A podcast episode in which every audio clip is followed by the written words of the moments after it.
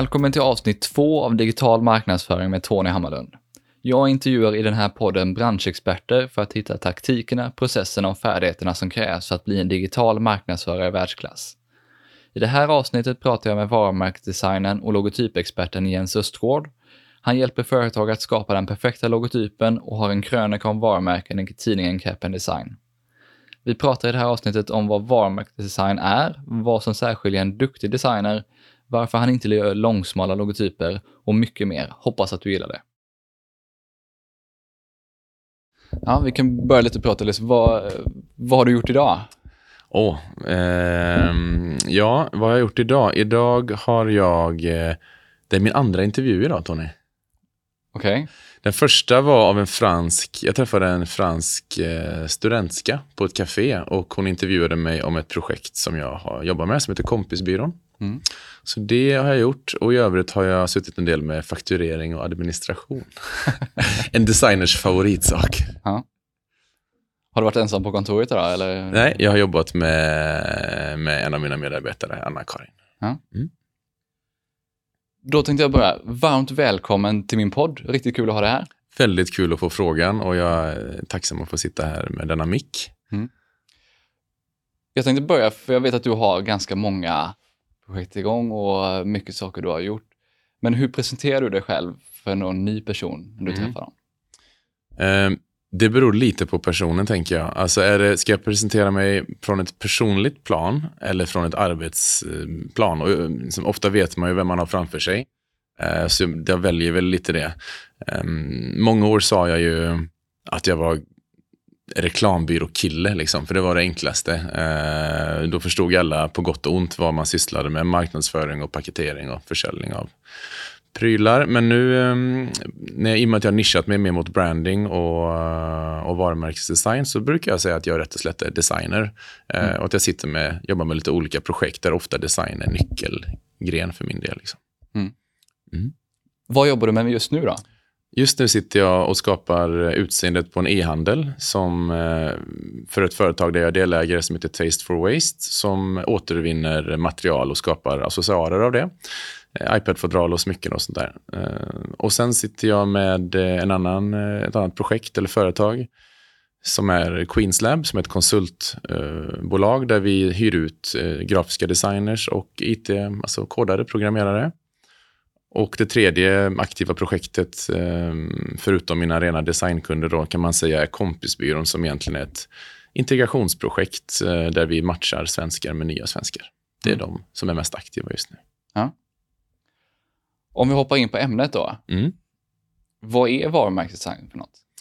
Ja, varumärkesdesign så kort sammanfattat så, så är det läran om hur man med form och ibland färg, eh, vissa varumärken levererar jag helt svarta, eh, men hur man hittar ett effektivt och minnesvärt utseende för en produkt eller en tjänst och deras löfte till marknaden. Det är liksom det, det stela sättet att säga det på. Ja. Eh, men varumärkesdesign kan ju vara mycket mer. Det kan ju vara vilka bilder man använder och vilka, vilket typsnitt och vilken tonalitet man har och sådär. Men det jag fokuserar på och som jag menar, det är egentligen utseendet på logotypen. Mm. Det är det jag ägnar mig mest åt. Ja. Mm. Vad är det du gillar så mycket med det då? Eh, alltså varumärkesdesign och då logotypdesign. För mig har det blivit det efter att ha som sagt varit i reklambranschen och jobbat med kampanjer och produkter och förpackningar så fastnade jag för logotypen för att eh, det är liksom många designgrenar i en. Du måste förstå lite grann om typografi och text. Du måste förstå lite grann om ikonografi och symbolik och, och färglära. Och det, jag tycker att det är den liksom svåraste men ändå och renaste liksom, formen av design när det kommer till eh, hur man visar upp ett, ett, företag eller en produkt eller en tjänst. Eh, också det som många kopplar känslor till eh, under lång tid och därför så blir det relevant liksom, att, att göra det väl. Mm. Hur kom du in på det första, det här liksom mm. att skapa loggor och Alltså jag tror att jag, jag alltid gillat som den delen av, av designvärlden. Eh, och när jag satt och prokrastinerade, när jag, inte hade, när jag borde göra annat, till exempel bokföring förr i tiden, så satt jag och gjorde loggor till egentligen påhittade verksamheter. Att så här skulle man kunna rita eller skapa ett varumärke för vad vet jag, ett galleri gjorde vi en gång. Eh, eller en, eh, en ny liksom, eh, telekomjätte. Eller satt hela tiden och ritade loggor till saker som inte fanns. Eh, och det blev bara, jag vet faktiskt inte varför. Det är nog så, varför sjunger en sångare? Liksom, det är någonting som följer mig naturligt att sitta och, sitta och rita utseenden på verksamheter. Mm. Mm. Du nämnde liksom att, eh, liksom att skapa logotyper, man behöver kunna väldigt många olika bitar och liksom som du har satt ihop till det du kan idag. Ja. Men hur håller du dig uppdaterad? Här? Liksom det, det måste hända, precis som det händer mycket inom digital marknadsföring, måste Mm. det hända en hel del inom branding, trender och så Ja, vidare. ja. Liksom, hur håller du dig uppdaterad? Ja, jag följer ju eh, andra varumärkesdesigners som egentligen också har nischat sig på logotypdesign eller ikonografi eller någon, alltså något närliggande. Ehm, och egentligen deras Instagram-konton. Eh, det går in, om du går in på Instagram och bara söker på logotypes eller branding så får du upp ganska mycket ehm, så- ser du mycket konton som du kan följa. Där du kommer du få ett, så får du ett flöde i, i din dagliga Instagram ehm, dos liksom med, med inspiration. Och även behance.com är ett bra eh, ställe där många lägger upp sina portfolior. Så där sitter jag inne och klickar också mycket. Och som du säger, det man märker när man följer eh, branschledare eh, och amatörer för den delen också. Men, men då ser man ju att det finns trender som kommer och går. Allt ifrån om det ska vara helfärgade plattor eller om det ska vara mycket gradienser eller droppskuggor. Eller det, det finns det finns väl några sätt att göra logotyper på som, som alltid fungerar, men runt, runt de här liksom gamla sanningarna så finns det väldigt mycket trendform om man säger så. Mm. Mm. Finns det något sätt som du håller dig uppdaterad när det gäller mer liksom det, det hantverket och Mm, du liksom menar så här, lära sig skapandet? program eller sådana här grejer eller? Ja, eller nu, nu, nu befinner du dig liksom på en annan nivå. Mm. Liksom du, du, du är på en högre, men hur man tar, liksom, behåller den nivån och kanske utvecklar olika bitar, liksom blir ännu bättre på typografi, blir ännu bättre på någonting. Är det någonting sånt som du gör för att Mm, liksom, kontinuerligt liksom, hålla sig uppdaterad och bli bättre? Ja. Hur putsar jag på mitt hantverk? Alltså dels är det ju genom att leverera så många loggor till så många skarpa kunder som möjligt egentligen. Eh, För varje gång jag gör en logoprocess så lär jag mig någonting tycker jag. Ehm, Och även processen, inte bara liksom Eh, inte bara det man tittar på resultatet, utan hur gick jag tillväga för att få fram den här formen? Eh, hur kan jag lära mig att hålla kunden i hand liksom, från första mötet till sista leveransen så att eh, man sprider en trygghet i sin leverans eh, och i sig själv. Att man, man lär sig lite på magkänslan och på, och på varumärkesstrategin i någon kombination där. Liksom. Ehm, men jag, jag tror jag övar, det är väl learning by doing. Jag sitter och gör väldigt mycket loggar, liksom ett par varje månad och där så övar jag på hantverket också. Mm. Eh, men det jag märker är ju nästan att eh, och när man följer förebilder och så här, det, det är ju sällan eh, de som jag tycker är riktigt, riktigt duktiga har väldigt komplexa, eh, svåra logoleveranser, utan om man kollar på dem rent visuellt så ser de ofta ganska enkla ut i formerna. Nu tänker vi på äpplet som är bitet från sidan eller vad vet jag, IBMs logga. Eller liksom. det, det finns logotyper, ehm, eh, logotypskapare som har hittat ett sätt att göra väldigt enkel symbolik men som blir väldigt eh, kraftfull och fungerar väldigt väl. Så jag tror inte att man blir mer att man gör mer detaljerade eller loggor med mer effekter ju mer senior man blir, utan man blir bättre på processen. Eh, att eh, liksom, få, få tryggare leveranser, nöjdare kunder och ta på sig större ansvar för större varumärken. Bara sådär. Mm. Mycket, det handlar mycket om införsäljning och process eh, mer än vad det handlar om svårighet i hantverk. Mm. Det är ett långt svar, men så tror jag det. Ja, men det, hur, må, hur många timmar tror du du har ägnat åt logotyper? Man brukar, brukar prata om de här 10 000 timmarna. Ja, just liksom. det. Har jag lagt 10 000? Jag vet inte. Jag har ju gjort... ehm, det var någon som inte riktigt trodde mig när jag sa för någon månad sedan att jag har gjort ett par hundra logotyper. De tyckte det lät mycket. Liksom. ehm, Och då, är de, alltså då skulle jag säga att 80-90% av dem är ändå kommersiella. Det är sådana jag har gjort åt kunder. Där jag har haft en process och en offert först och sen en, liksom en logoprocess, korr, vänder och sen en fakturering. Eh, men, men jag i alla fall... ehm, Ja, men säkert, säkert eh, ett drygt hundratal eh, som faktiskt har betalat mig för logotypprocesser och arbeten. Eh, och sen mycket, mycket skissande och ett par låtsasloggor bredvid dem. Och det går ju in liksom det här på hur man jobbar. Ja. Och alla jobbar ju på, oavsett vad man håller på med, så alla har lite sin process och Mm. sina metoder. Mm. Men hur ser din liksom, arbetsprocess ut när du, när du får uppdraget att skapa en ny logotyp och liksom, ny varumärkesdesign? Ja. Ehm, uh, det tror jag man, eh, det kunde säkert någon ha berättat i början hur man hade, gjorde en smart och smidig process uh, utan att göra väldigt många förslag som aldrig blir av och sådär. Men jag har fått lära mig det själv genom att helt enkelt göra fel. Och det jag ser är väl att uh, mina första logoprojekt, då hade jag mycket, mycket olika förslag. Jag kunde mer eller mindre sitta hemma, Eh, först skissa lite för hand och sen ganska tidigt slänga in det i Illustrator, eh, alltså där man gör vektorformer. Färdigställa fyra, fem, sex olika logotyper, alltså på minsta millimeternivå. Mm. Och sen skicka ett mail som mer eller mindre sa, hej, här kommer, här kommer fem förslag på din logotyp och då är de färgsatta och allting. Vilken, är det någon du gillar? Mer eller mindre. Och det, den processen fungerar väldigt dåligt egentligen, för då, då håller man inte, man styr inte sitt eget skepp, utan då är det på något sätt man lägger allt ansvar på kunden. Gillar du någon av de här fem helt olika logotyperna, som antagligen inte har någon röd tråd sinsemellan heller, utan jag försöker bara hoppas att jag ska förstå vad du gillar för smak eller har för stil. Liksom. Mm. Och det jag gör nu istället, det är att lägga ganska mycket tid i början av processen genom att ställa mycket frågor i början kring det här, vad ska det här varumärket vara, hur ska det kännas eh, och, och sådär, hur ska det se ut och varför ska det kännas och se ut som det gör. Och sen gör jag väldigt grova blyertsskisser eh, liksom, skisser eller tuschskisser där jag visar formidén om man säger så. Är det lämpligt med den här idén för formen och det har inget med utförande att göra. Eh, utan den är egentligen väldigt slarvigt gjord. Sen lägger jag ganska kort tid förhållandevis på att lägga in det här i, i mina program och färdigställa dem då tycker jag att man får fram bättre resultat. Mm. Och kunden får vara med mycket mer på resan eh, och känna sig mycket mer delaktig.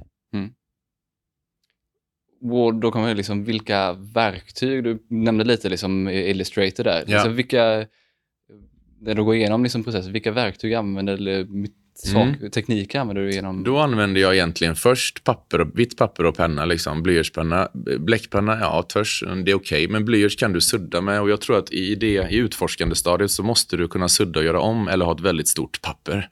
Eh, så för att vara snabb och effektiv i, i liksom utforskande fasen så är det blyerts och vitt papper som funkar bäst för mig.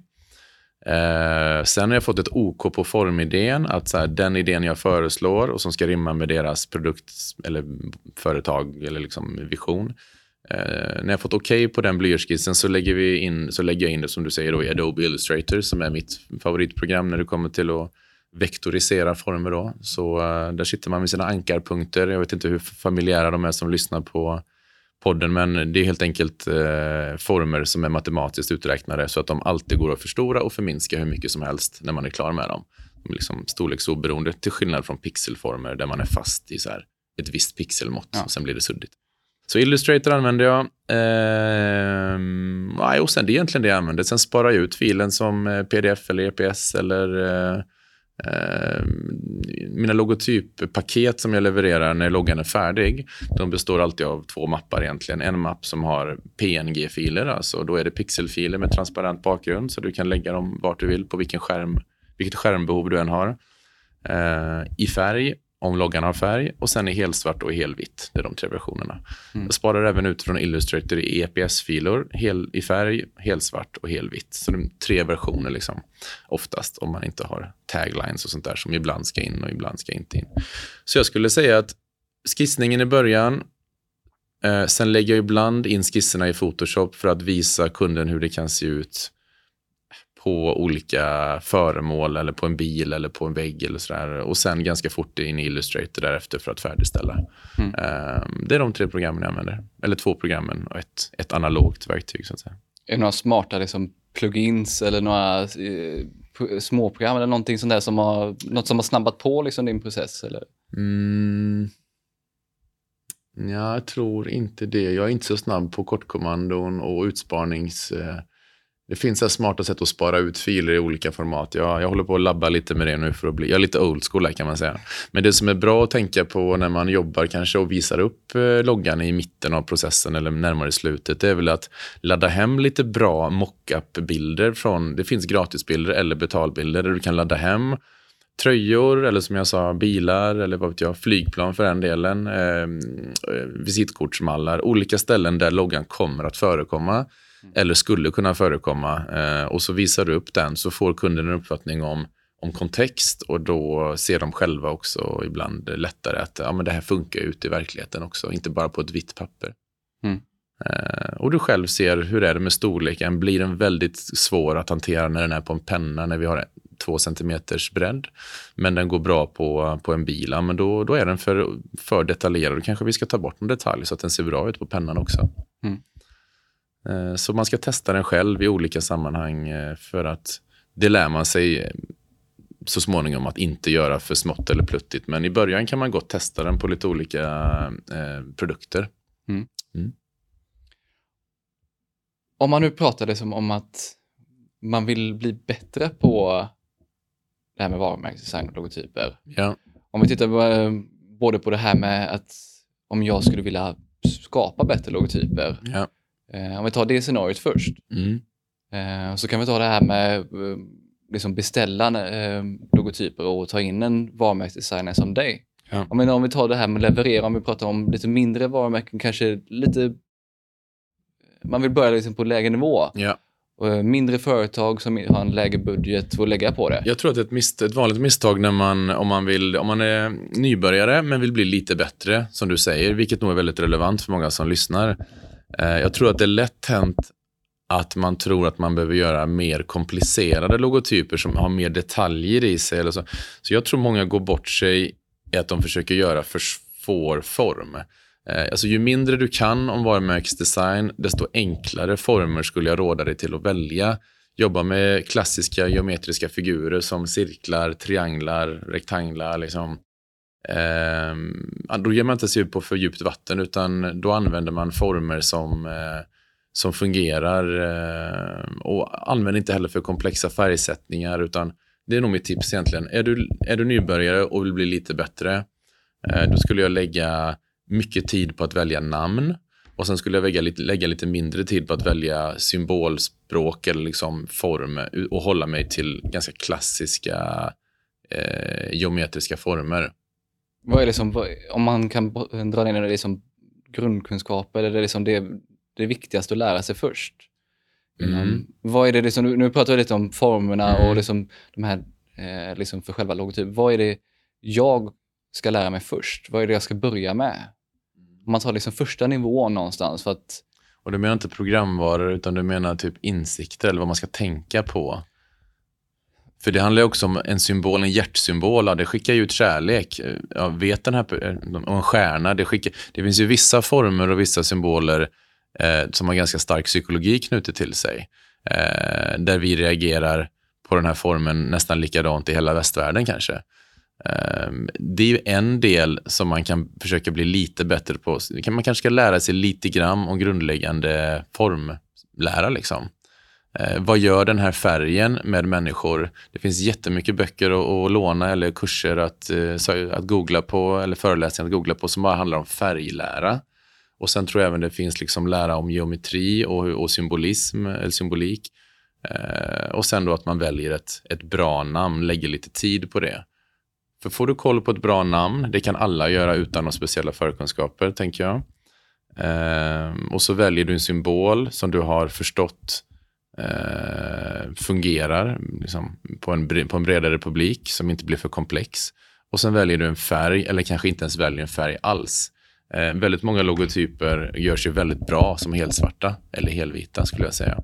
Så mitt generella råd för dig som är nybörjare och vill bli snäppet bättre, det är att eh, lära dig lite grann om vad färger och former har för inverkan på oss människor.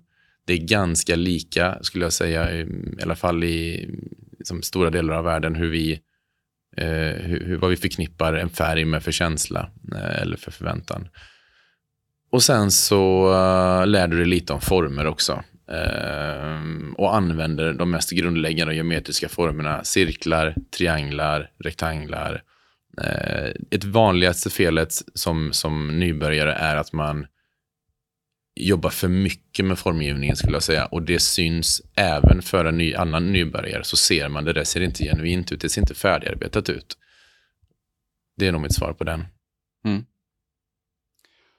Och om vi hoppar över då till andra sidan. Mm.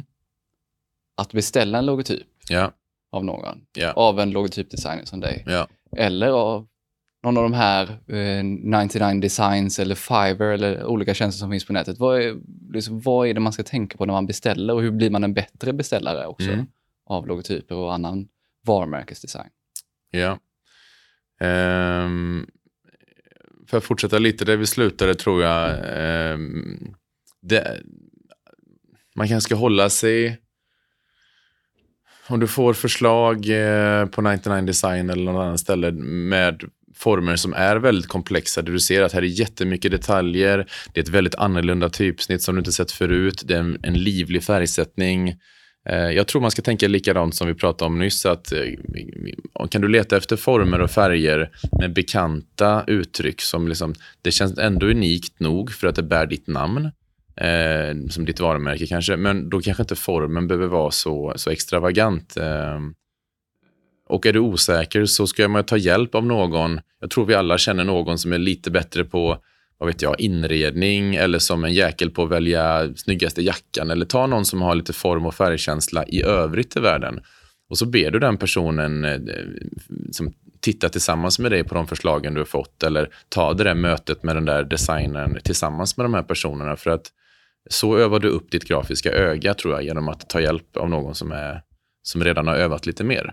Ehm, Det andra alternativet är ju bara att eh, att själv läsa på otroligt mycket och göra många felaktiga inköp och så småningom lära sig vad som, är, eh, vad som fungerar eh, väl.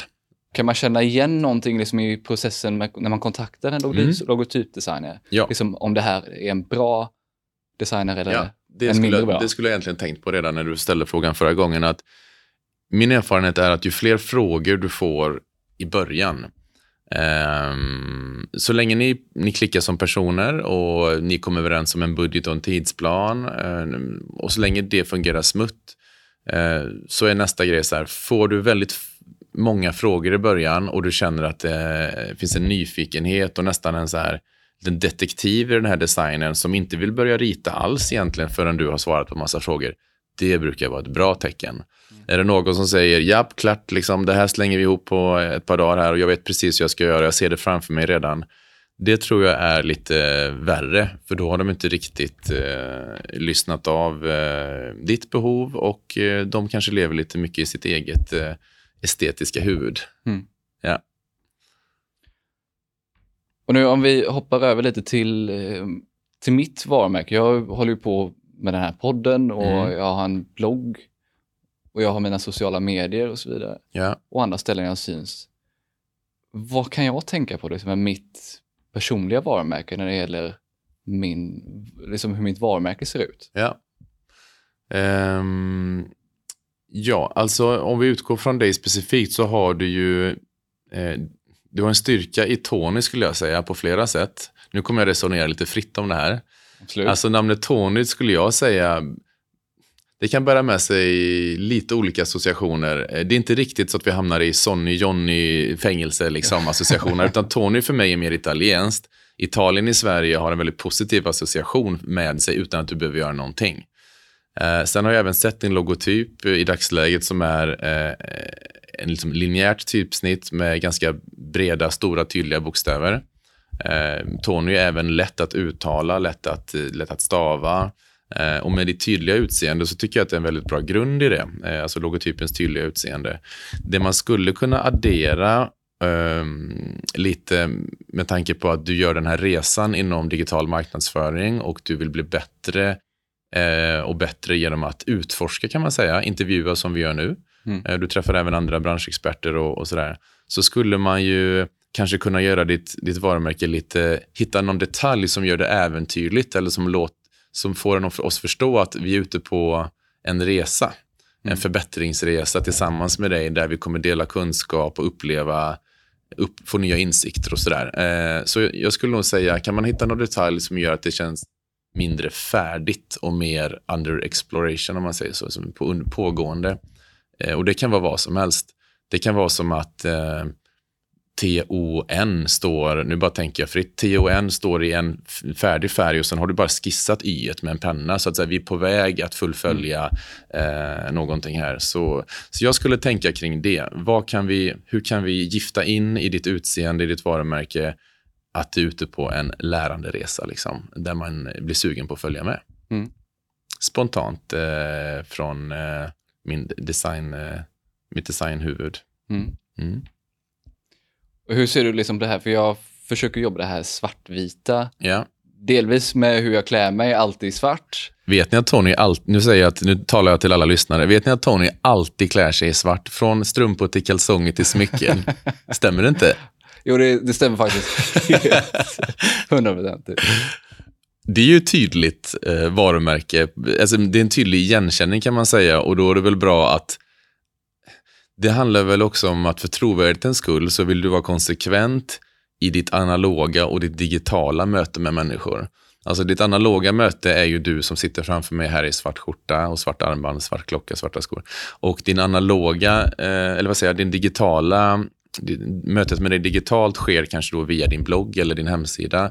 Eh, och då säger inte jag att vitt är inte en färg i det här fallet, utan vitt är avsaknaden av svart för att ge kontrast så att man ser vad som står. Mm. Eh, så, så, jag tycker att som, det är väl schysst att hålla sig till den svartvita eh, looken, eh, men man behöver inte vara rädd för att då och då lägga in andra saker. Eh, folk kommer lära känna dig eh, som, som, du kommer ha det utseendet i folks ögon. Och det på tal om det så finns det ju det finns exempel på väldigt stora varumärken som beter sig ofta konsekvent och Coca-Cola, de säger enjoy och så är det bilder på antingen tomtar på jul och, eller glada människor på stranden på sommar.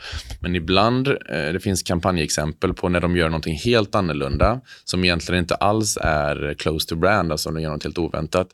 Men de är så populära och de är så starka eh, att eh, fansen försöker ändå förstå vad de menade. Jo, men det är ju på det här sättet de menar och då känns det ändå Coca-Cola. Mm. Eh, det kanske är tidigt att göra när man är ett ungt varumärke. Då ska man nog hålla sig ganska konsekvent ett tag. Men det finns inga riktiga regler här. Man kan bryta reglerna om man gör det vid rätt tillfälle, skulle jag säga.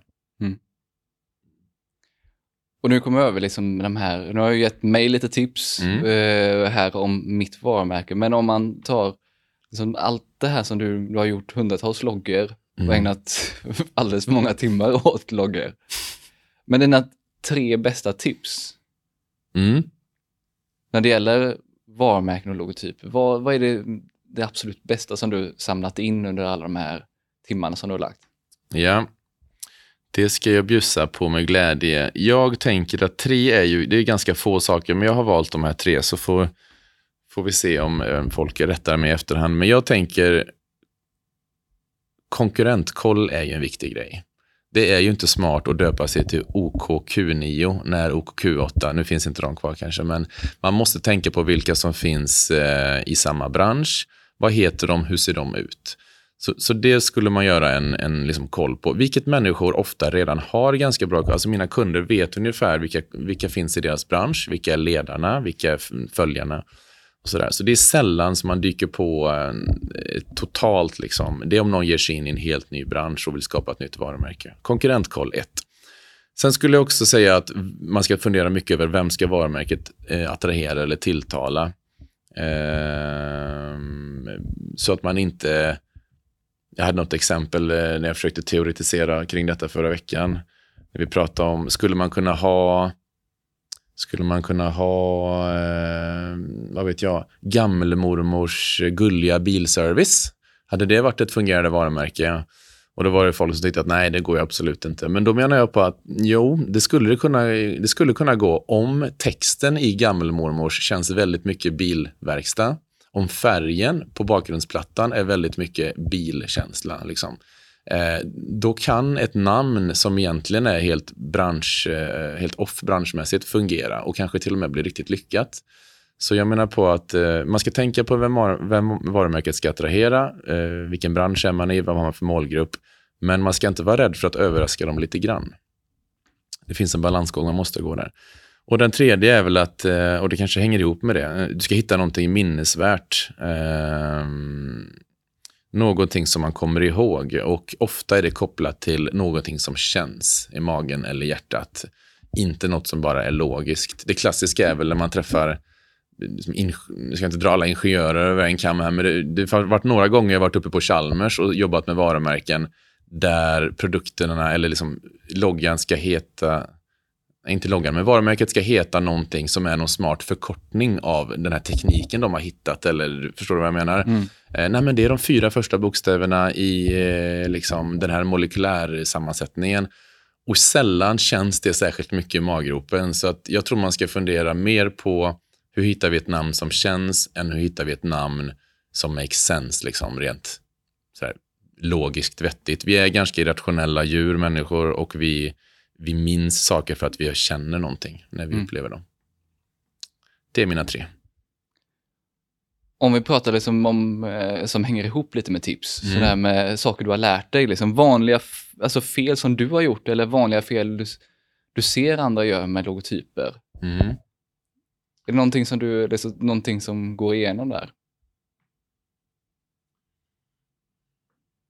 Mm, processen innan jag fick till den, hur man liksom börjar, hur man agerar i mitten och hur man avslutar, det har vi pratat om lite grann. Att man gör ofta fel i själva designprocessen. Eller jag gjorde det många, många gånger tills jag började hitta ett sätt eh, som var mycket mer effektivt att jobba på och där man också fick bättre resultat.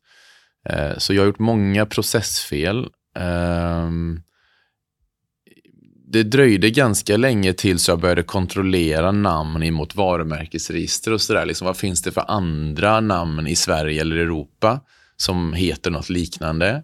Eh, det kostar inte så många tusenlappar att, att kolla upp det. Det finns en del bra tjänster och byråer som faktiskt kan göra det åt en. Och har man lite budget och ska skapa ett större varumärke så är det något som jag alltid rekommenderar nu för tiden. Um, kanske inte gäller när man gör sitt, sitt, första lilla varumärke för sitt café, men jag tycker ändå man ska ha med sig där. Eh, jag vill inte veta vilka fel jag har gjort där, så vi, men att jag har gjort några fel, det, det, är ganska säkert. Det är ingen som har kommit efter mig ännu bara. Um, vad har jag mer gjort för fel? Uh, nej, men jag har ju levererat, jag tycker man ska vara noga när man liksom sparar ut logotyper, när man kollar på vilka färger har man, vilka former har man. Jag, Eh, jag har gjort massa felaktiga utsparningar, helt enkelt inte varit tillräckligt tekniskt skicklig. Och nu pratar jag väl egentligen till, inte till de som är beställare, utan till andra, andra designers här. När du sparar ut logotyperna, har du, hur ser dina liksom vektorkurvor ut? Är de taggiga om man zoomar in väldigt mycket? Så att om, de, om du ska på en mässa och har det här på en hel vägg, kan det vara så då att ditt M eller ditt A eller någon bokstav är ganska illa gjord i kanten, men det syntes inte när du hade låg inzoomning på skärmen. Men när de har tryckt den här produkten på den stora väggen och betalt mycket pengar för det här, då plötsligt ser man att det här hantverket är inte färdigt. Nej. Så jag har blivit nitisk med att ha så få vektorpunkter som möjligt och att göra ett så genuint hantverk som möjligt även i 1800 gångers förzoomning eller uppzoomning. Mm. För det tycker jag man kan begära när man, när man betalar på den nivå som jag, som jag jobbar på när man tänker på det här med loggarna, vi kom in lite det här med liksom att tänka på så att loggor går att förstora, så att man, eh, hur noga man är. Vad kan man göra nu om vi pratar digitala, liksom just de digitala plattformarna och nej, olika enheter och så vidare? Den är intressant. Vad, vad är det man kan göra för att en logotyp ska funka i, på olika kanaler, format, mm. enheter? Liksom? Finns det några bra regler och tips där du har?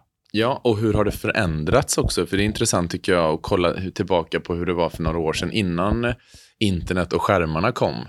Eh, då var det ganska fördelaktigt att ha en, en, en långsmal logga kan man säga. Eh, vilka har långsmala loggor som vi lätt kan eh, relatera till?